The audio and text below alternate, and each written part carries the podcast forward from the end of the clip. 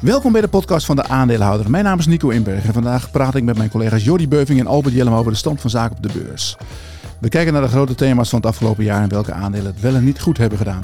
Daarnaast kijken we natuurlijk ook vooruit met daarbij een aantal aandelentips. Je kunt deze podcast ook bekijken met beeld erbij. Ga dan naar YouTube en zoek op de aandeelhouder en dan vind je ons vanzelf.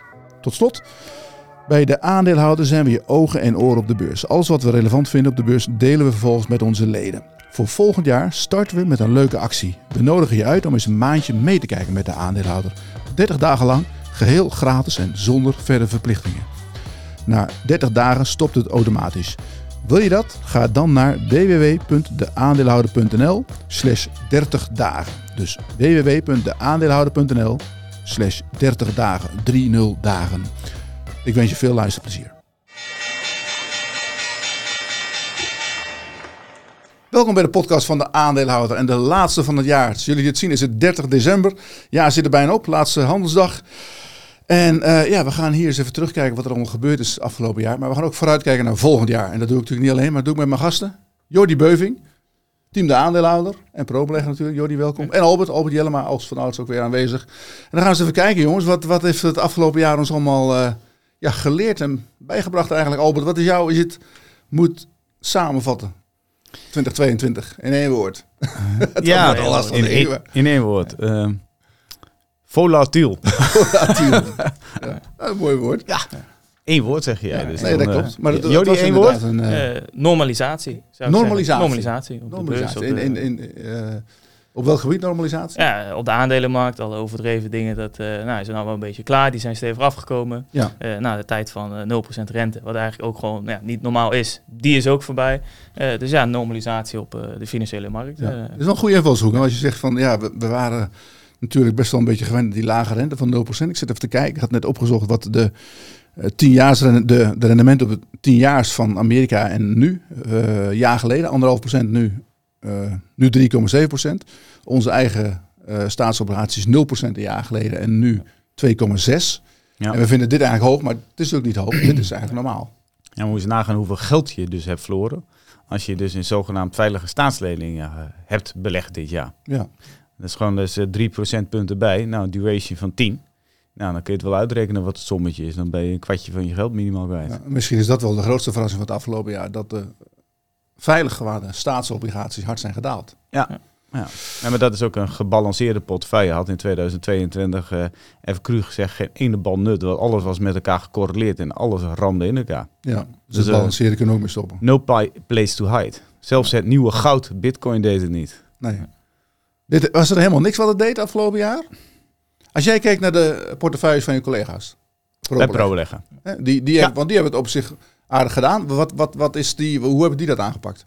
Ja, ik moet, moet oprecht zeggen dat, dat het echt, ja, hoe raar het ook klinkt, een uitstekend jaar was voor de portefeuilles bij ProBeleggen. Want uh, uh, toevallig gisteren nog een mail uitgestuurd dat zaten gemiddeld met de 11 portefeuilles op min 2,7% rendement. Nou, in okay. de beurs dat ja, tussen de 10 en ah, 25. staat min 13 op dit moment. Ja, en uh, soms een, wat tech-aandelen staan rond de min 30. Ja. Dus als je daarvan het gemiddelde kijkt, is een enorme outperformance geweest bij ProBeleggen. Dus ja, ben ik super, super trots op hoe goed dat is ja. gegaan.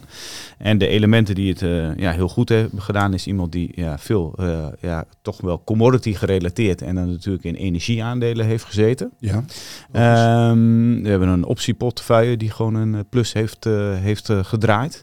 Uh, dan hebben we iemand die ja, ook best wel wat short posities in de portefeuille had opgenomen op een goede moment, eigenlijk in big tech. Uh, in Amerika, wat een hele goede timing ja. is geweest. En die had ook een paar home runs erbij aan de andere kant, zoals bijvoorbeeld een Exma, wat heel soepeltjes verdubbelde.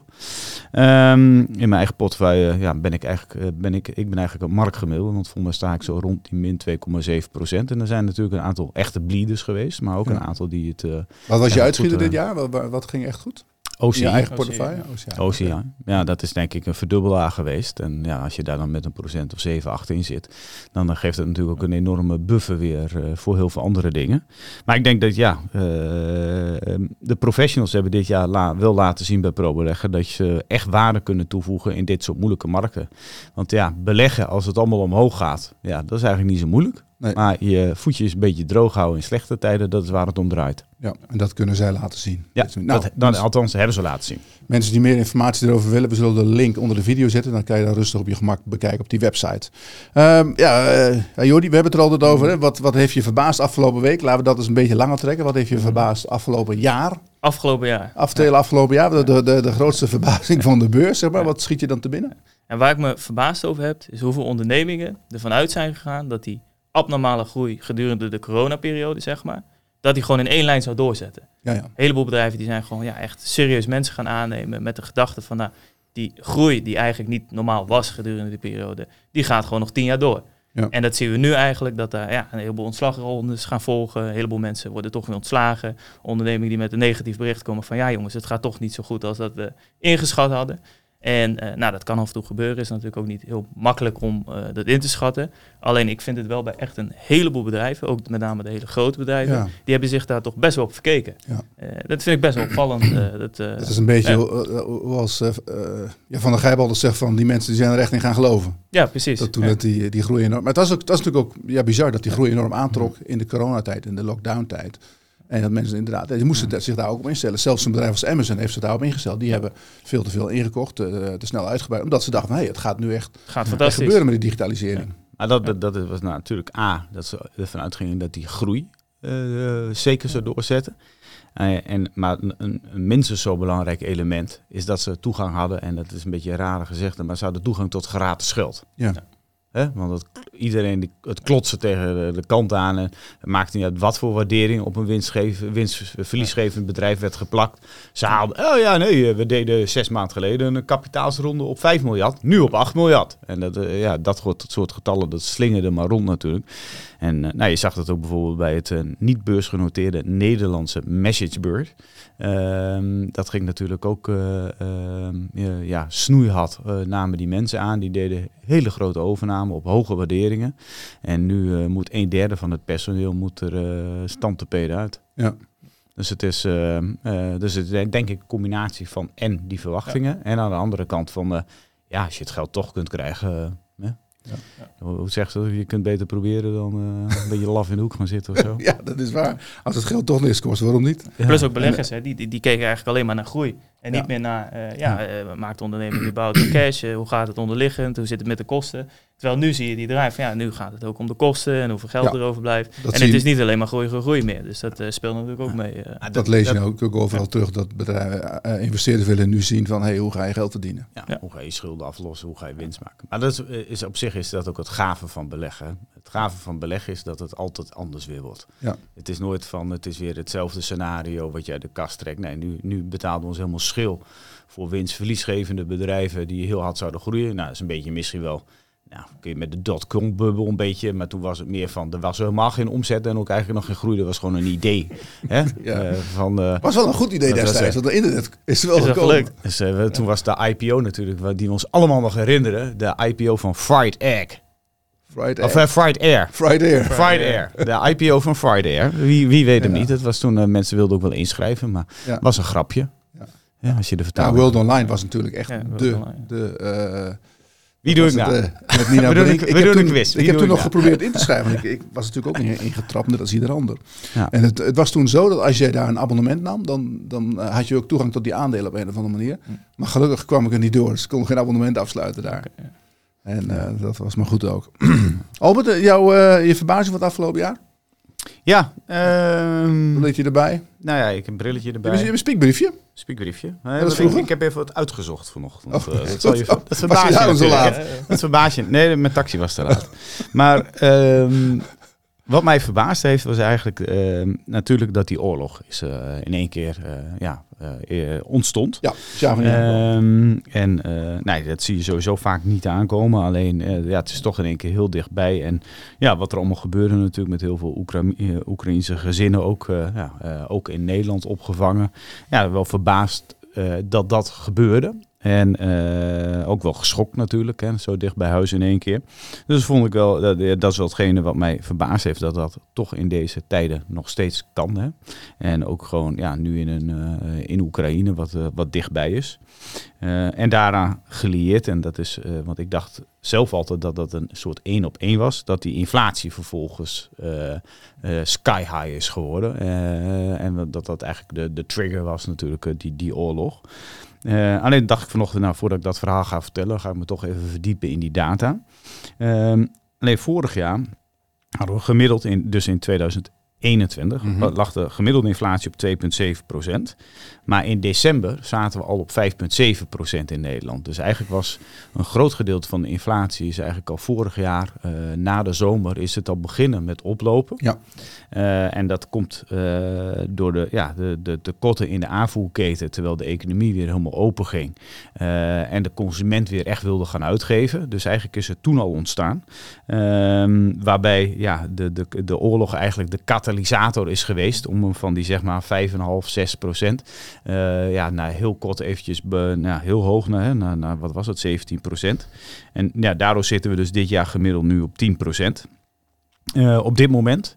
Uh, alleen ja, de helft van, dat, nou, zeg maar van die inflatie was al veroorzaakt eigenlijk ja, voor de oorlog. Dus, dat, dus dat, dat, zat ik zo eens uit te zoeken van hoe dat nou precies zat. Ja, dat was precies mijn vraag. Maar dat heb je al beantwoord. En, en het raar is dat je, je leest toch vaak in de politiek dat inflatie nu verklaard wordt vanuit uh, de oorlog, hè, de energieprijzen. Ja. Terwijl eigenlijk, tenminste is mijn opvatting altijd geweest, maar is ook mijn, mijn verbazing voor het afgelopen jaar, is inderdaad ook die inflatie. Dat ik, dat, ik heb me daar toch wel een beetje op verkeken, want ik had ook gedacht van de inflatie die, die komt vanuit de lockdown. Dus de economie moet worden opgestart. Iedereen weer aan het werk. En eh, je zag toen in die tijd bijvoorbeeld China heel veel gas nodig had om de boel weer op te starten. Die fabrieken draaiden echt allemaal volle toeren. Uh, dus ja, is ook logisch. Men wil alles tegelijk en alles nu. En uh, de mensen hadden geld, hè, want natuurlijk gespaard ja, vanuit uh, de lockdown-tijd. Toen kon je geen geld uitgeven. Nou, dan wil iedereen alles tegelijk en dan gaan de prijzen omhoog. Alleen uh, gaandeweg het parcours. En dat is ook wel iets wat, wat denk ik mensen wel goed in de gaten moeten houden. Wat we natuurlijk voor het laatst gezien hebben in de jaren 87. Maar als je je terugkijkt naar die tijd, toen was er ook inflatie. En, en toen met name ook door energie. Maar die die inflatie die begint ergens en op een gegeven moment gaan andere, andere uh, onderdelen dat overnemen. Komt de looninflatie, ja. eerst komt de producten, dan komt de looninflatie, de grondstoffen.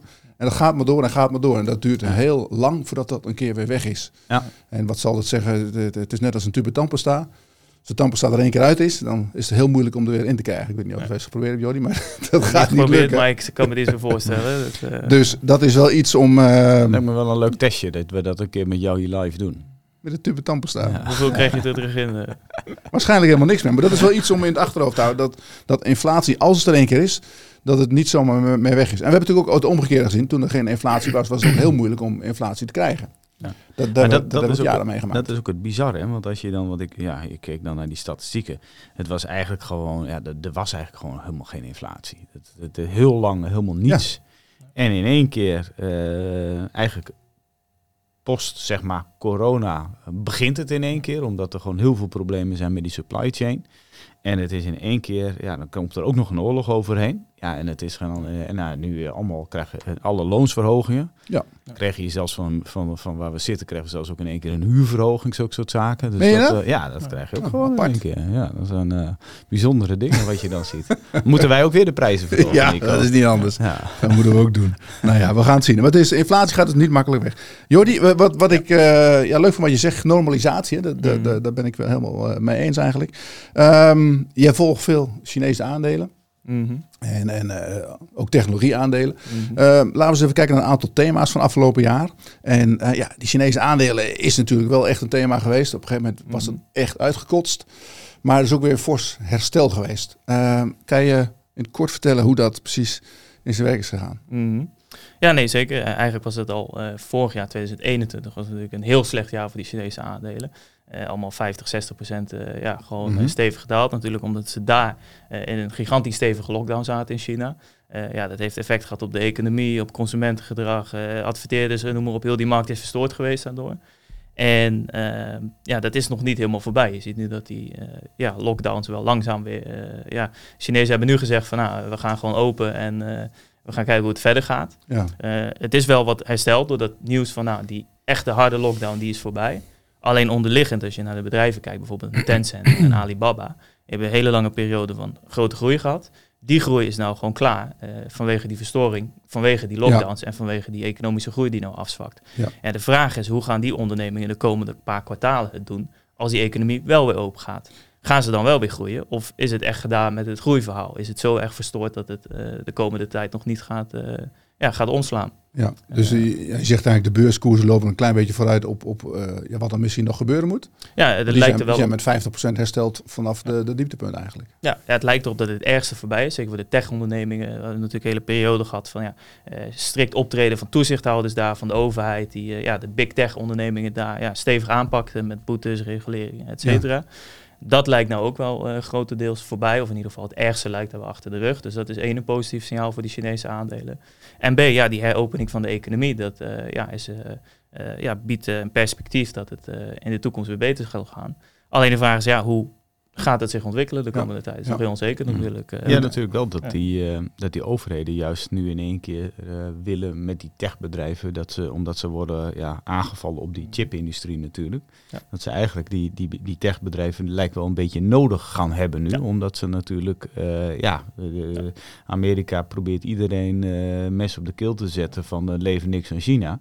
En nu lijkt die Chinese overheid te denken, ja, maar die chipindustrie moeten we hebben, dus nu Hè, gaan wij die, die techbedrijven, ja, die hebben, hebben een beetje pissig gemaakt, maar we willen misschien wel weer wat meer vriendjes worden. Nee, klopt, zeker weten. Dat is natuurlijk, ze hebben best wel strikt opgetreden, maar ze, wat jij zegt, dat klopt, uh, ja, klopt precies. Dat uh, is zeker zo. Je ziet ook dat die grote tech-ondernemingen zoals een Alibaba en Baidu, ja, die zijn ook gewoon zelf bezig met chipdesign en zulke zaken. En dat wordt door de overheid inderdaad gestimuleerd. Ja, uh, ja er is onlangs een pakket, 172 miljard uit mijn hoofd, voor de chipindustrie aan subsidies vrijgegeven. Ja, dus die overheid die, ja, die ziet dat ook in en die speelt daarop in. Ja, de vraag is hoe gaat het om met een Tencent en uh, Alibaba? Ja. ja uh, die zijn toch wel afhankelijk ook van de consumentenmarkt, adverteerders, et cetera. Normaal gesproken, als de economie weer aantrekt, uh, dan zou dat ook weer terug moeten komen. En dat wordt heel interessant om te zien hoe dat zich gaat ontwikkelen. Oké, okay. dan hebben we het al even over die chip-aandelen. TSMC is een belangrijke factor daarin. Wat zijn de ontwikkelingen daar?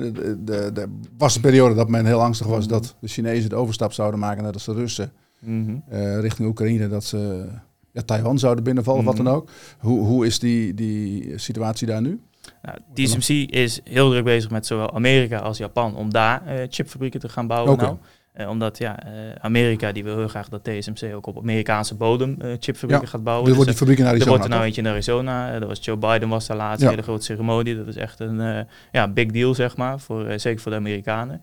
Om toch een heleboel productiefaciliteiten van TSMC ja, uit dat Taiwan te halen. In het geval dat de China wel besluit om uh, ja. uh, daar binnen te vallen. daar zijn ze heel duidelijk mee bezig. Daar zijn ze echt heel duidelijk mee bezig. Daar heb je wel een jaartje of tien voor nodig. Heb je, ja, voordat zo'n fabriek gebouwd is, draait en ja. echt productie draait. Nou, ja, maar de, de, de, vraag neemt natuurlijk nog steeds elk jaar Precies, toe. ja.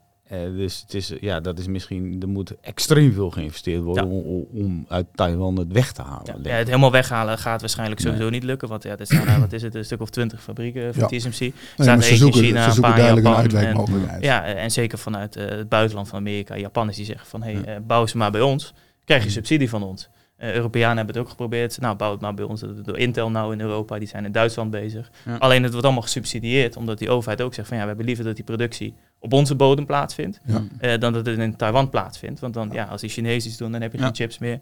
Uh, als de supply chain weer verstoord wordt door corona daar, dan heb je ook geen chips meer. dus het is echt een ja, matter of national security ook geworden. Van ja, je wil dat je die chips ja, kunt krijgen als land, anders dan heb je echt een probleem. Duidelijk, ja. duidelijk. Nu, nu is het uh, afgelopen jaar natuurlijk was ja, niet echt het jaar van de technologieaandelen. Als kijk, de Nasdaq min 33 procent. Er is er wel een bepaalde hoek van die technologieaandelen. Bijvoorbeeld onze, onze ASML, de B's en de ASMI's. Die hebben het wel redelijk, oh, ook niet heel goed gedaan. Maar het is toch wel anders dan, dan de, de, uh, ja, de big techs en andere technologieaandelen. Um, Albert, jij, jij, jij belegt in ASML.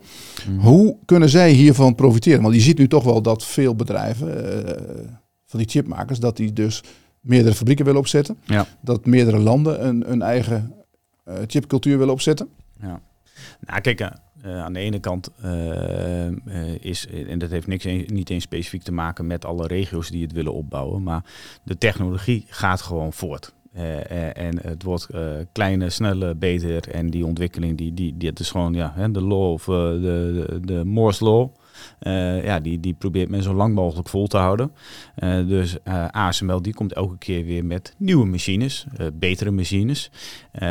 waarbij je naar high NEUV gaat en dan komt er nog weer wat naast. En voor 2030, daar wordt ook alweer over gesproken.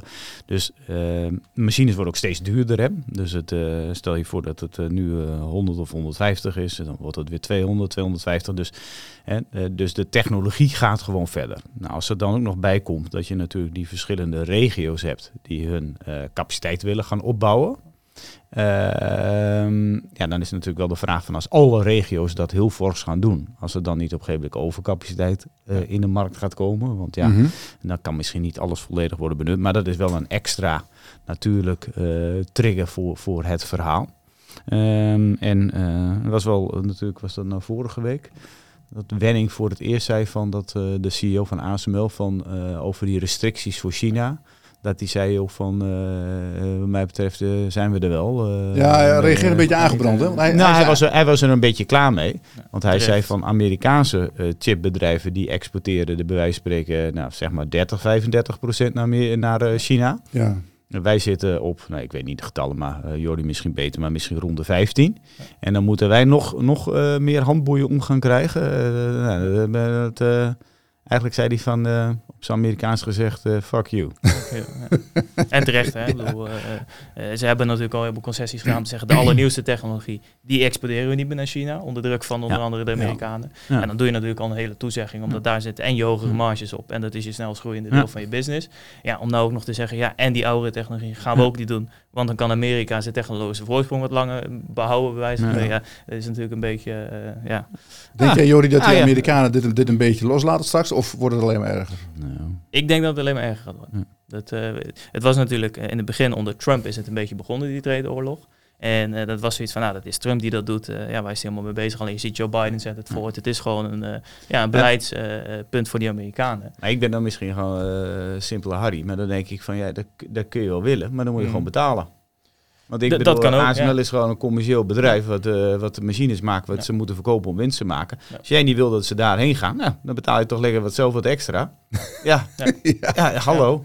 En wat het ook is, kijk, uh, uh, ook al, kijk, je kan niet als eh, China zijn die machines van ASML namaken, lukt je niet, loop je te ver voor achter. Alleen hoe meer je die Chinezen beperkt natuurlijk, hoe meer ze zelf aan de slag gaan om uiteindelijk wel die chip op te bouwen. Dat doen ze toch wel. Dat doen ze toch wel. Alleen je versnelt wel dat proces, dat zie je heel duidelijk. Door die restricties van die Amerikanen komen er meer subsidies, komen er meer start-ups, wordt er meer geïnvesteerd in de industrie. Dus ja, het is ook maar de vraag van ja, hoe slim is dat om het te doen?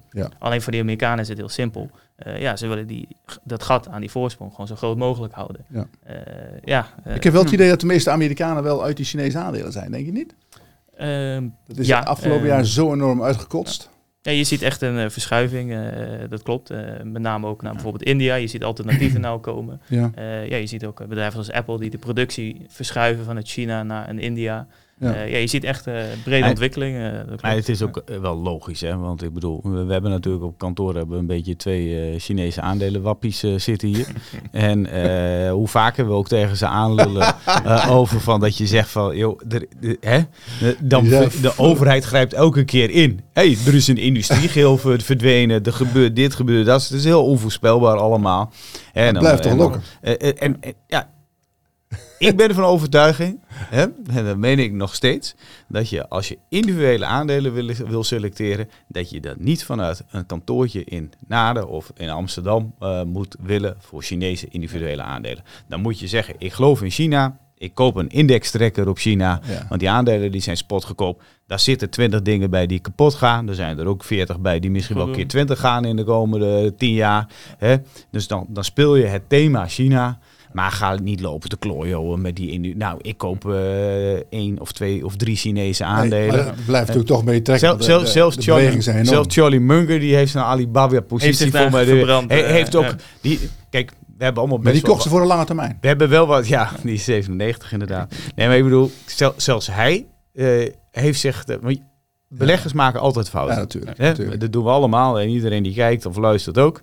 Uh, en zelfs Charlie Munger met zijn 60, 70, 80 jaar ervaring dacht van, nou, dat Alibaba ziet er wel goedkoop uit. Hè? Dus die koopt Alibaba. Alleen, ja, mijn, mijn, mijn idee is gewoon, doe het gewoon niet individueel. Ja, en blijf gewoon dicht bij huis. En dat gaan we nu ook doen, jongens. Want we gaan eens even kijken naar de grootste stijgers en dalers van afgelopen jaar op de, de Amsterdamse beurs, op ons Damrak. Van de 75 grootste uh, aandelen. En, en uh, dan, ja, dan zien we Albert, even kijken bij de grootste stijgers. OCI, Fugro, Farming. Ja, Fugro. een van de drie goed. Als je er één bij hebt. Jij? Ja, twee denk ik. Ja, twee, ja. Twee, ja, twee van ja, vroeger was ik wel uh, wat eerder, eerder weg, maar dat, dat is nu alsnog... Ja, dat was bijzonder. Die, wa die waren bijna 100% gestegen. Maar goed, nu naar de recente ontwikkelingen... Ontwikkelingen ja, de, in Brazilië gaat even mis, maar goed. Het, maar de twee weken geleden een podcastje, toen zei dat het is de stijger van het jaar, maar dat is niet meer zo. die plus 100%, nog steeds plus 60. Ik had even contact met Fugro, ik heb ze een mail gestuurd met een aantal uh, vragen over wat er allemaal is gebeurd. En uh, daar komen we op de website wel op terug. In de stad dit weekend ook uh, in het magazine. Dat ja, maar wat zeiden ze? Het, het, het, het, rare is dat ze de afgelopen jaren daar helemaal niks over hebben gecommuniceerd. Ze hebben nooit, hè, die, die ramp is gebeurd in januari 2019. Toen hebben ze de dag daarna, want ze hebben vier mensen verloren daar. Misschien is het even goed om uit te leggen, eh, want het bestond tot, totdat het persbericht deze week kwam ook niet meer op mijn netvlies. Wat voor ramp, waar, wat is gebeurd? Weet je niet? Heb je niet ja, ik weet het wel, maar het is misschien wel leuk om even te vertellen. Er is een dam doorgebroken in Brazilië in januari 2019. Heeft 272 mensen het leven gekost. En uh, op die dam was, was Fugro aan het werk. Die stond er. Je ziet op, op, die, op die foto nog een huisje staan van Fugro, zo'n uh, shelter. En dat is gewoon ja, gedurende de de lunchpauze is die, uh, die dam doorgebroken. En dat is allemaal water en modder en steenwal. Dus wat erin zat, was allemaal opvang uit zo'n mijn daar. Is uh, het dal ingestroomd met als gevolg natuurramp en heel veel doden. Nou, uh, ze hebben meteen al gezegd destijds van ja, dat lag niet aan ons. Maar nu schijnen er nieuwe onderzoeken te lopen. En er wordt toch weer gezegd van misschien heeft het te maken met. Want die was daar aan het boren op die dag. Hm. En het zou dus kunnen dat zij dat daarvoor verantwoordelijk zijn. Dat dat, dat in ieder geval de trigger is geweest. Of voor in ieder die, geval uh, misschien mede verantwoordelijk. Die doorbraak. En ja, goed, het is de, de, de hoofdaannemer van die mijn, de eigenaar van die mijn, Valen, die heeft iets van 7 miljard al betaald aan ja. schadevergoedingen. Maar als er nu weer nieuwe onderzoeken lopen, dan weet je, je weet nog wat er gebeurt. En als ze uiteindelijk bij zo'n bedrijfje uitkomen, ja, dat is natuurlijk een, een, een ja, ramp van de magnitude. Dat kunnen ze helemaal niet aan. Nee. Nee, je weet ook niet wat er verzekerd is, wat er niet verzekerd nee. is. Uh, maar ik vond het bijzonder dat ze de afgelopen uh, jaren, ik zat even te zoeken in die, in die uh, uh, die verklaring van hun, of in de jaarverslagen, of in ja. de, de kwartaalcijfers. Ze hebben er eigenlijk nooit iets over gezegd. En dat vind ik ook wel raar, want als jij bijvoorbeeld kijkt bij de cijfers van Mital of van Aperam, ze beginnen altijd met een risicoparagraaf. Van ja. de, hè, we hebben, er zijn zoveel ongelukken gebeurd. Het is, als er een dode is geweest, nou dat is echt, echt, ja. echt uh, Safety measures. een heel groot uh, event, zeg maar. Ja. En de, daar hebben ze nooit wat over gezegd. En dat vind ik bijzonder. Wat wel zo is, is natuurlijk, en dat als je dat dan leest, en, en je weet het gewoon niet. Hè, want je weet niet van, uh, krijgt Fugro, uh, hebben ze mede verantwoordelijkheid? krijgt Fugro, Fugro misschien, gaat Fale een stuk verhalen op Fugro? wordt Fugro aangeklaagd? Want Fale is ook nog aangeklaagd in Amerika. Hè, door de, ja, dat loopt nog, door de SEC. Ehm, ja, gaat dit een staatje krijgen voor Fugro? nou ja, als je het zo hoort, leest, ziet, dan denk je van nou, je kunt het verre van uitsluiten. Ja. Uh, en, en dat maakt voor mij bijvoorbeeld Fugro op dit moment uninvestable. Ja. Uh, ja, uh, never een uh, lawsuit. ja, een potential lawsuit. Noem je het ook alweer? Never? Ja, dat, ik heb jullie dit jaar heel veel geleerd, jongens, maar dit weet ik inmiddels toch wel. Zegt om de anderhalve dag never buy into a lawsuit. En dat blijkt nog steeds uit te komen, maar dat maakt niet uit, dat is goed. Kocht jij flippen toen voor het eerst op 23 of zo? Of wat was nee, het? nee, nee, net uh, denk rond 14. nog steeds Op 14. oh, nee. het kan nog steeds. Je moet Ze hadden goed nieuws trouwens vandaag, Philips. Of goed nieuws. Ze hebben een nieuw onderzoek gedaan en dat blijkt dat het allemaal niet zo erg is. Maar goed, het, uh, het aandeel staat vandaag 3, 4 procent hoger. Oh, dat is het onderzoek wat ze zelf hadden gedaan. Ja. Nee, nee, nee, het is wel oh. door, andere, door andere getest. Het is echt door vijf onafhankelijke bureaus getest. Ja, ze kunnen natuurlijk nu niet meer met allerlei, allerlei flauwekul aankomen. Nee, maar, kijk, je maakt er een geintje over, maar het is eigenlijk altijd zo, dat, want hoe vaak als er niet iets gebeurt bij een bedrijf, hè, omdat er iets mis is, uh, met, met, met dat er schade is of, of, een rechtszaak of weet ik wat, dan, nou, dan gaat zo'n aandeel, krijgt een tik. Ja. En dan, nou, hoeveel vragen krijgen wij dan wel niet van onze leden? hey, moeten we er al in? Hè, moeten we er al in? Ja, of eigenlijk is het gewoon bijna een, een wetmatigheid dat je er nog heel lang niet in moet. Ja. Ik herinner mij en, nog bij, natuurlijk, als je bij bijvoorbeeld Bayer is, ja. een, is een mooi uh, Mooi voorbeeld, die hadden we destijds in de portefeuille bij IX. En die, toen hadden we eigenlijk meteen dat de, als zoiets gebeurt, moet je meteen wegwezen. Hup, ja. Niet nadenken, weg. En Als dan daarna heb je geen positie, dan kun je rustig kijken wat gebeurt er. En nou goed, misschien, misschien valt het mee. Oké, dan kan je er misschien wel weer in of niet. Of je dan nog in wilt. Maar je hebt in ieder geval je handen vrij en dan kan je het ook allemaal rustig bekijken. Want op het moment dat je positie hebt, ga je toch anders naar kijken. Want je, je voelt steeds die druk van, ja, moet ik verlies nemen of niet? Maar het duurt ook altijd veel langer dan dat je denkt. Hè? Want er wordt dan gezegd, ja, over een jaar zijn we, we hebben wat voorzieningen genomen, over een jaar zo opgelost. Dit, dit Fugro-verhaal, als dit, stel dat dit echt gaat lopen, ja, dan kun je het over jaren hebben. Ja. Net als met het uh, Monsanto, met, uh, met uh, Bayer. Dat, dat, dat, duurt en dat duurt en dat duurt. En joh, de keuze is reuze op de aandelenmarkt. Dus ga jezelf bezighouden met iets waar je wat nuttigs over kunt zeggen. Het is wel hartstikke jammer, want het bedrijf heeft het fantastisch gedaan. Er komt heel veel werk uit de windenergiehoek. En, en de marges lopen op, dus ze waren echt helemaal terug. Misschien liep de koers een klein beetje voor de muziek uit, maar het was echt wel. Het is, het is, ja, het is ook een, gewoon een mooi bedrijf met goede technologie. Alleen, dit is wel een vervelend verhaal. Kijken we even naar de dalers. Dan, uh, nou, we hadden het net al even over Philips. Ja, Albert, ik moet toch ook Justy Takeaway noemen. Zit er ook bij. Derde plaats. Mm. Ja, die hebben we ook. Hè? Ook weer een van de drie. van de drie. Axis op één. Axis de grootste daler. Ja. CEO opgestapt onlangs. Dus die gaat weg per, eh, ik geloof, 1 januari of zoiets. 1 maart. Ja, het is een probleemdossier, zullen we het maar noemen. Want, ook een ja. lastig verhaal. Ja, extreem lastig. Want ja, het is natuurlijk een uh, fabriek waar heel veel extra geld in moet, die nu stil ligt. En elke maand dus geld kosten als ze niet verder gaan bouwen. Ja, de sommetjes voor die fabriek moeten ook nog gemaakt worden. Uh, moeten er nieuw kapitaal in. Uh, je hebt een paar grote aandeelhouders in zitten. Misschien komen die met een soort uh, reddingsboei, maar misschien ook niet. Misschien komt er wel een zwaar verwaterende claimemissie om het nog een keer te proberen. Ja, er moet echt een hoop geld bij. En, dus, dus ja, echt, ik, uh, nee, je hebt ooit zo'n liedje van MC Hammer of zo was dat. Van uh, don't touch don't it. Touch it. En, uh, nou, dat is bij mij het ook. Zit er toch een beetje in de top 2000. van alles vandaag. Can't touch it zit het. Oh, can't touch it. Can't touch it. Mm. Mm. Can't touch it. Ga zangles hier. Oh my god. Goed, acties. Um, wat er ook bij zit, dit sluit een beetje aan bij, bij uh, ja, wat jij zei van die, van die normalisatie en die mm. groei die opeens eens uh, wegvallen. Want er zijn, best wel, ook op onze beurs natuurlijk, bedrijven die zich hebben verkeken op de groei. Ik noem maar een PostNL, hè, die dachten ook van, nou, uh, die gingen er ook in geloven. Ja. En uh, daar komt nu, ja, door de inflatie veel hogere kosten, maar ook ja, mindere groei. Omdat mensen gewoon veel meer geld uitgeven aan, laten we zeggen, diensten, vakanties, restaurants, dan aan spulletjes. Die zat erbij. CM Albert, ook een, een lijkt me toch ook wel een kans hebben voor de toekomst. Maar die zijn natuurlijk ook hard, hard gedaald. Ja, zeker weten. Dat, wat denk jij ervan? ja, uh, actief in een hele interessante markt. Waarschijnlijk een markt die wel gaat uh, ja, blijven groeien de komende jaar als mm -hmm. geheel. Ja, ze hebben uh, vrij unieke technologie. Alleen, uh, ja, het verhaal is ook een beetje groeiaandeel, nog geen winst. Uh, ja, best wel stevige waardering gehad. Uh, ja, je ziet nou die normalisatie, die verschuiving van ja, waarde hechten aan groei, waarde hechten aan winst maken. Ja, en CM zit precies in die draai om binnenkort ja, inderdaad waarschijnlijk winst te gaan maken. En de vraag is, hoe gaat dat traject bij hun verlopen? Ja. weet het management dat goed in banen te leiden? Ja, krijg je positieve tekenen van, nou, die winstgevendheid zit echt aan te komen. Ja. En blijft ook attractief voor de toekomst om het verder te ontwikkelen. ik denk dat beleggers daar heel erg op gaan ontwikkelen, uh, op letten. En als je ziet dat het inderdaad de goede kant op gaat, ja, dan denk ik dat het heel interessant kan zijn.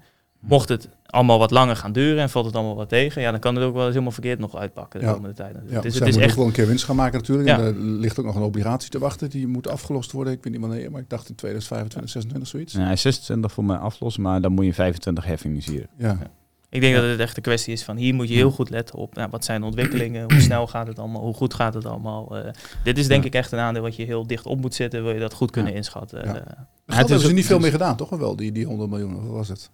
Nee, ze, voor mij hebben ze nog redelijk wat geld liggen. Uh, ja, op nu. Ja. ja. Alleen wat, wat het ook een beetje is, is kijk, zij, zij hebben uh, inderdaad, uh, een gedeelte is, nou, plat gezegd, sms'jes versturen. En dat is het gros van hun business. Ja. Heel modern. Dat, nou, ja, dat zal je verbazen, maar de betrouwbaarheid van de aflevering van een sms en de operatie van een sms is veel hoger dan bij WhatsApp. Daarom gebruiken heel veel bedrijven nog steeds sms. Ja. Overheid. Uh, dus je kunt wel een beetje staan te ginniken daar, maar er zit wel een gedachte achter. en het loopt ook gewoon Ik krijg niet vaak meer sms'jes, ja, toevallig laatst zijn, maar niet, niet, ja, niet, veel. Laatst kreeg je er nog geen, toen was je te laat voor de tandarts. maar die, zag je wel. Die is ermee gestopt, want die moeten daarvoor betalen en die doen nu tegenwoordig een e-mail. Trouwens, alleen, moet morgen goed Alleen wat je hebt, is dat je de, de mix is dat je uh, sms'jes sturen, dat is een lage marge business, een lage bruto marge business. En dat is het gros van hun bedrijf. Dan heb je de toegevoegde waardediensten. Uh, dat is nu 15 tot 20 procent. Dat groeit veel harder. En de bruto marge uh, ligt op 80 procent. Uh, dus het, dus die, die mix-effect moet komen. Ja. Alleen het bedrijf heeft nu te, natuurlijk best wel in één keer gezegd... nou, we gaan niemand meer aannemen. Dus die gaan ook die switch in één keer maken van... Mm, we moeten winst maken. Ja. Alleen de vraag is, hoe, wat gaat dat dan met die groei doen? Want die groei die, die lag natuurlijk, moet boven de 30 procent liggen.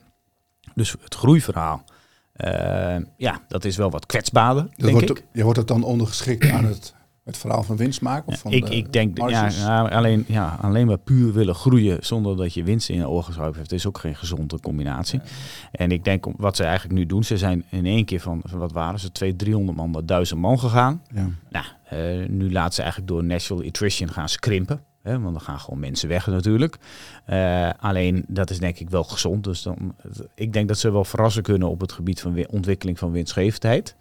Uh, alleen de counterbalans zal waarschijnlijk zijn dat ze, omdat ze geen mensen meer aannemen, dat de groei natuurlijk wel moeilijker te realiseren is. Dus dat is een beetje die balans. Alleen is misschien wel een gezonde, nou, hoe noemen ze dat altijd, de reset-knop. Ja, ben ik wel benieuwd hoe de markt het dan opvat. Als de, ja. Waar kijkt men dan naar? Van, ja, bijvoorbeeld, is het een ramp als ze die groei niet halen? Of dat ze zeggen van, nou, we gaan wat, wat, ja. nou, het is ook een beetje stukje minder hard groeien. Je natuurlijk die, die, die, die hoge marge business, die, die zeg maar 15, 20 procent, als je die wel 50 procent plus groeit, uh, en daar zit een bruto marge op van 80%.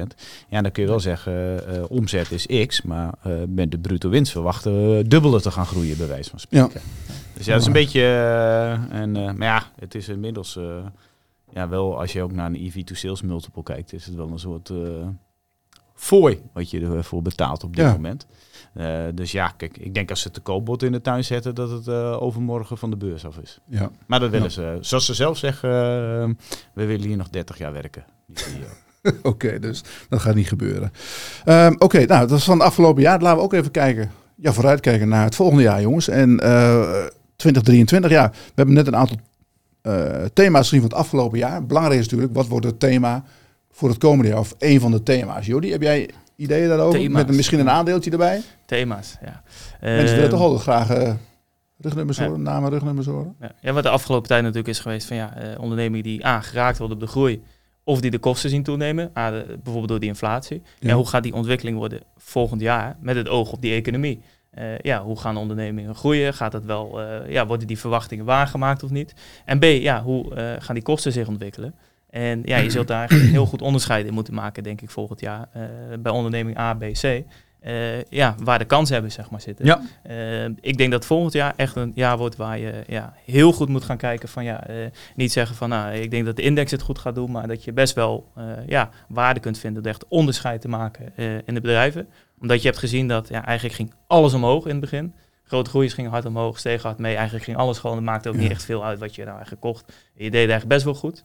Dit jaar heb je echt een afstraffing gezien uh, van ook een heleboel aandelen. Een heel groot deel daarvan terecht, maar ook waarschijnlijk een deel ja, onterecht. Mm -hmm. uh, als die onterecht het kunnen laten zien volgend jaar dat het eigenlijk wel meevalt, denk ik dat daar de kansen liggen. Voor volgend jaar. Dat is hoe ik het. Uh, Noem er eens een. Ja. Uh, nou, waar ik naar kijk op dit moment, het is een Amerikaans bedrijf, Adobe Systems. Okay. ja, goede cijfers van de week. Hadden hele goede cijfers. En aandeel ging nou, best ook best wel omhoog. Dag daarna ging de brede best hard omlaag. Aandeel ging toch nog omhoog. Okay. Goed teken. Nee, ik ken het niet heel goed, hè? Maar dat is, toch, dat is, toch, gewoon dat we een pdfje kunnen openen? Uh, ja, nee, dat, uh, dat denkt iedereen. Het is, uh, nee, het is... Nee, is het niet van die McAfee? Niet van die McAfee, Maar het is wel goed, denk ik. John McAfee, ja, Maar wat is er nog meer? Het is, het is Photoshop, het is designprogramma, het is, het is geautomatiseerde marketingprogramma's, het is puur software. Ja. en dat verkopen ze in de vorm van software as a service, zeg maar, heel ja, chic gezegd. Dus abonnementen. En het groeit hartstikke hard. Uh, het is winstgevend en uh, het zit in een markt die gewoon blijft groeien. Uh, het aandeel is sinds begin dit jaar ja, meer dan 40% gedaald. Mm -hmm. Niet omdat okay. het onderliggend niet goed gaat, omdat de waardering is gedaald. We handelden de afgelopen vijf jaar altijd op een koerswinst van 40, 50. het heeft bijna nooit onder de 50 gehandeld. Ja, het staat nu op een voorwaartse winst van 21 keer de winst. Uh, het is relatief gezien. De groei, hoe hoog is die? De groei, percentages? Afgelopen jaar 15 procent. Okay. Uh, komende jaar verwachten ze 10 procent. Dus we verwachten ook nog steeds mm -hmm. in een lastig okay. economisch klimaat ja. ja. door te kunnen groeien. Vind ja. ik heel interessant. En ja, als je kijkt naar de afgelopen vijf jaar, ik heb het opgeschreven, de omzet van 7 miljard naar 17 miljard weten op te schroeven. De winst van 1,7 miljard naar 4,8 miljard. Mm -hmm. ja, het lijkt erop dat die lijn zich gewoon gaat doorzetten, okay. ondanks dat de economie wat terugvalt. En ik vind het heel interessant dat een groot deel van een omzet is gewoon recurring revenue. Uh, ja. Dus ja, je kan er gewoon een deel... Uh, Abonnementenbusiness, ja, is mooi. Dat is wel interessant. Zijn ze schuldenvrij? of, bijna geen schuld zitten in. Hoge free cashflow, conversie? Er zitten 4,5 miljard schulden in. zoveel cash hebben ze ook op de balans. Ja. Dus nou, dat valt eigenlijk reuze mee. free cashflow zit volgens mij rond de 30 procent. is echt ja, een bruto marge 87 procent. Ja, ik vind het een heel mooi bedrijf.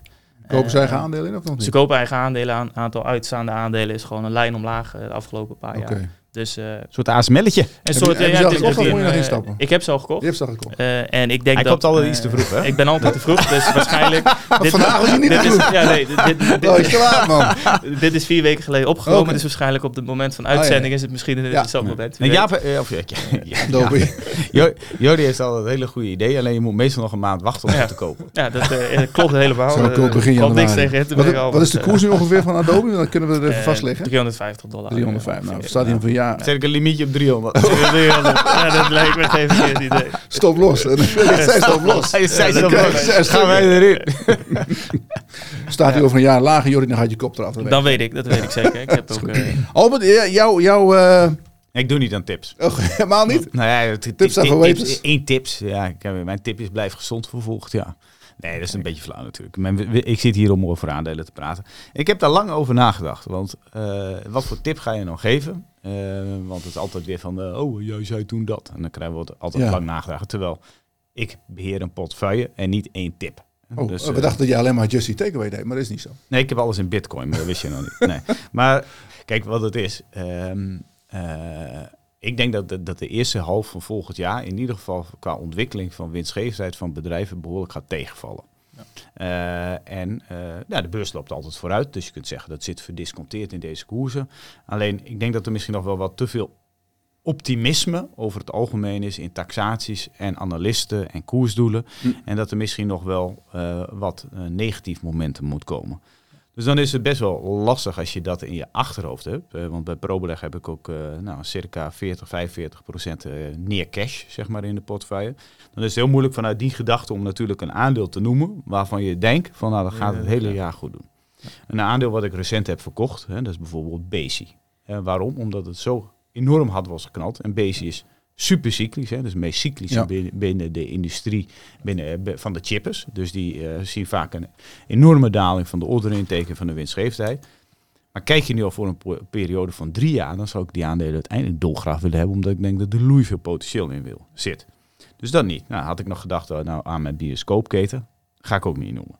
Dacht ik van, dan kies ik een aandeel wat iedereen, als ik het ga noemen, denkt van... Frans KLM? Nee, dat, nee, nee, kijk. Zo erg ook weer niet. Zo, zo erg. Uh, jouw kale uh, Frans en jouw PostNL, dat, uh, dat, is, dat is jouw hobby. Dat, dat, is, dat doen serieus jongens niet, hè, joh. Nee, dat valt echt buiten de boot. En toen dacht ik, een aandeel wat echt iedereen uitgekost heeft, maar, maar, misschien wel eens een mooie revival kan maken als dat verhaal komt van dat het gewoon ik heel slecht in de eerste helft van het jaar en, en dan misschien wel weer positief in de tweede helft van het jaar. Nee, ik voelde hem niet aan. Ja, ik ben heel benieuwd. Zeg het maar dan. Ja, dat weet ik ook. En dat is niet wat jij in je hoofd hebt. Oh, nee. nee.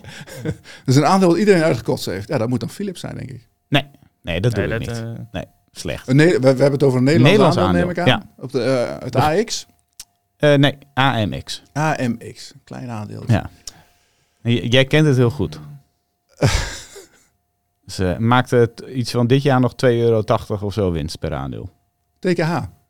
Nee. nee, die maken meer zelf. Nee, nee, nee. Ik, ik heb geen idee. Go with the flow. Go with the flow, flow traders. Ja. Flow traders. Ja. Nou, ja. Uitgekotst, dood, niemand kijkt ernaar. Handelt op een uh, eurotje of, nou wat is het, 21, 22 nu.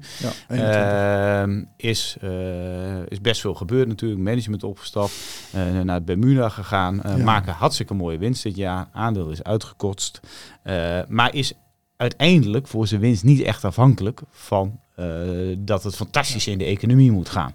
Nee, die zijn afhankelijk van volatiliteit. en het toetreden tot nieuwe markten. Nou, obligatiemarkten hebben ze toegevoegd. Kijk, als dat bedrijf gewoon volgend jaar uh, een soortgelijk jaar zou maken als dit jaar, ja, dan hoort daar toch in mijn ogen eerder een waardering bij van rond de 30 euro. Uh, dan de huidige 21, 22 euro. En ik noem hem omdat het uh, niet een spel is op de economische cyclus of een recessie of geen recessie of weet ik wat. Ja. Dus het is een beetje, het kan het altijd goed doen. In wat ja. voor klimaat we dan ook economisch gezien zitten. Dus vandaar dat ik die noem. Ik heb ja. ze bij pro-beleggen relatief klein zitten. Misschien dat ik wel eens een keer wat bijgekopen ik uh, moest een tijdje nadenken om hier met een uh, tip te komen die in uh, mijn scenario's een beetje zou kunnen werken. Ja, is een mooie naam. En we hebben altijd gezegd, hè, want ze betalen ook best veel dividend uit. Het bedrijf heeft, ja. heeft geen schulden, dus die kunnen best wel wat doen. Als de koers laag staat, gaan ze vaak wat aandelen inkopen. Ja. Ook slim. En uh, ja, als er wat te doen is op de beurs, dan zijn ze erbij. Ze kunnen, je, je hoort eigenlijk nooit weer wat meer. Ja, van mensen nee, hebben, nee, het is een beetje rustig. Meer, dus werd een beetje weggezet als zijnde van uh, dat het inklappen van de bitcoin, dat het hun heel veel geld zou kosten. Maar dat, dat is niet zo. Ja, tot de cijfers daar, daar, daar lagen wel kansen. Maar, maar, ze hebben best mooie cijfers gehad de afgelopen keer. Alleen, men, ja, als de beurs dan weer een klein beetje herstelt, dan gaat het ook weer meteen uh, omlaag. Dus best, het zijn gewoon dividendaandelen. Maar ja, die, het, waarvoor wij natuurlijk hier staan en zitten, is natuurlijk het allerbelangrijkste. Ja. Wat is de tip van Inberg? Ik heb er tien. Je hebt ik heb er tien. Goed opletten. Tien, zo, zo, zo het laatste iemand. iemand ah, nee, maar dat is een beetje iemand ik, kijk, heel Albert, ik heb ook een hekel aan, aan het tips geven, want als het niet goed gaat, dan, dan, uh, dan weten ze altijd te vinden. Maar dat maakt niet uit. Uh, wij zijn de hele dag met aandelen bezig. Als je tien geeft, je waarschijnlijk wel vijf goed. En we kunnen als het minimaal. Ja, maar we kunnen best wel wat. Ik, ik vind het wel, wel leuk om te zeggen wat ik gewoon van aandelen denk. Maar denk wat wel leuk is nu. Ik ben bezig met een artikel die wordt in twee delen gepubliceerd. En dat gaat over tien turnaround kandidaten voor het volgende jaar. En dat sluit denk ik een beetje aan bij wat Jordi zegt. Hè, van er zijn best wel bedrijven die hard zijn afgestraft. um, omdat de hele beurs omlaag gegaan is ook. En die, die, die, ja, die zijn vaak ook wat kleinere Nederlandse mm -hmm. aandelen. Ook Belgische aandelen, die, ja, daar is gewoon weinig interesse in. Maar die zijn wel bezig met bepaalde dingen. En uh, nou, wij zitten daar natuurlijk dicht bovenop. Dus we zien wat er speelt allemaal. En um, ja, het zal ze niet allemaal lukken, denk ik. Maar ik verwacht wel dat daar in de loop van het jaar, maar dan moet die onderliggende economie moet wel een beetje door blijven gaan. En ze moeten de dingen die ze willen veranderen, moeten ze door kunnen zetten. Dat daar best wel leuke aandelen bij zitten. En uh, die gaan we publiceren in, in uh, twee delen. De eerste vijf dit weekend in het magazine, de volgende vijf die stonden afgelopen weekend al in trouwens, als jullie dit zien. Noem, er, um, noem, er, noem er dus Moet eentje. ik er eentje van noemen? Is, ja. is um, nou, Ontex bijvoorbeeld. Belgisch bedrijfje. Lu, uh, luiertjes. Luiertjes. Luiertjes. Nou, dat is eigenlijk business. Ja, ik denk die luiers, dat gaat altijd door. Tuurlijk, de, de, uh, er worden wel iets minder kinderen geboren, maar ze doen ook veel incontinentieluiers voor ouderen. Nou, er komen steeds meer ouderen. ik word zelf ook een dagje ouder, jongens. Wat Sam, ik, ik, had ik, ik had misschien beter eer Frans Karren. Dat lijkt me heel even, ja. Nee, maar daar zit goede business in. En, en ik heb altijd gezegd, Ontex is eigenlijk een inflatieplay. Ze hebben heel veel last. Ze hebben heel veel last van inflatie. Die grondstoffen zijn duur die in die lui zitten, die pulp. En op het moment dat dat goedkoper wordt, want het, die, die, ja, men blijft die spullen wel, uh, wel kopen natuurlijk. Uh, iets te hoge schuld, inderdaad. Wordt een onderdeel verkocht in Mexico. Nou, als dat zich allemaal een beetje materialiseert. Op, op bestuurlijk niveau was er veel gerommel, maar er zit nu een goede vent. Ze hebben nu eindelijk iemand aangesteld die, die, uh, uh, die weet van de hoed en de rand. Dus ik verwacht dat dat wel een beetje gaat herstellen ergens ja, ja. in de loop van het jaar. En die andere negen aandelen, ja, zeg ik, kom er eens kijken op de site. Dan kan je die ook zien. Er zit voor iedereen wat, wat ja, wat bij, denk ik. En dan zullen we maar kijken wat het, uh, het jaar wordt volgend jaar. Het misschien best wel weer een lastig jaar. Ik moet zeggen, afgelopen drie jaar zaten we er, uh, waren hele rare beursjaren natuurlijk. Met de corona in 2020 en de, de meme aandelen in 21 en nu met de inflatie dit jaar. Dus ja, wat wordt het volgend jaar jongens? Roep maar. Ja. Nobody knows, hè? Heel lastig. Uh. Dus het wordt een, ja, misschien wel opnieuw een verrassing, dat, dat gaan we zien. Um, Albert, nog een laatste stichtelijk woord? We gaan het jaar uit. 30 ja. december vandaag als mensen dit zien. Heb je nou nog een dat... nieuwjaarsboodschap? Ja, en uh, dat zijn we natuurlijk hebben we nog niet genoemd. Maar we hebben uh, om het nieuwjaar fantastisch te beginnen, hebben we natuurlijk een fantastische actie verzonnen. Uh, wij willen graag bij de aandeelhouder laten zien wat we allemaal te bieden hebben. En daarom kan iedereen die zich hier met de link hieronder nu aanmeldt, 30 dagen geheel gratis meekijken met de aandeelhouder zonder enige verdere verplichting. Dus het stopt na die 30 dagen. Je kunt het gewoon uh, aanmaken. Dan heb je een zeg maar premium account voor een maand. Dan kun je die turnaround kandidaten zien. Ja. Um, dus begin het nieuwe jaar verstandig. Uh, zou mijn stichtelijke woord zijn. Ja, nou, kost niks. En probeer het voor 30 dagen gewoon eens een keer. En krijg alle uh, input van ons uh, team wat hier staat. Dat lijkt wel gek. Nou, we willen gewoon mensen gewoon een leuke stad van het jaar geven. Ja, ja, nou, ik denk hartstikke leuk. Uh, ja, we doen van alles. Hè. We maken elke zaterdag een magazine. We hebben chat-sessies, video's, webinars, enzovoorts, enzovoorts. Door de week premium artikelen.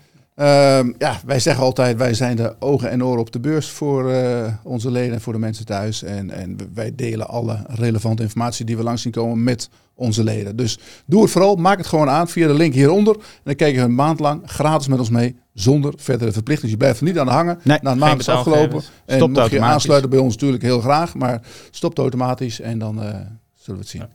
Wens ik iedereen nog een uh, heel gezond en gelukkig nieuwjaar. En dan uh, bedank ik mijn gasten hier, jongens, bedankt. En Nico, bedankt.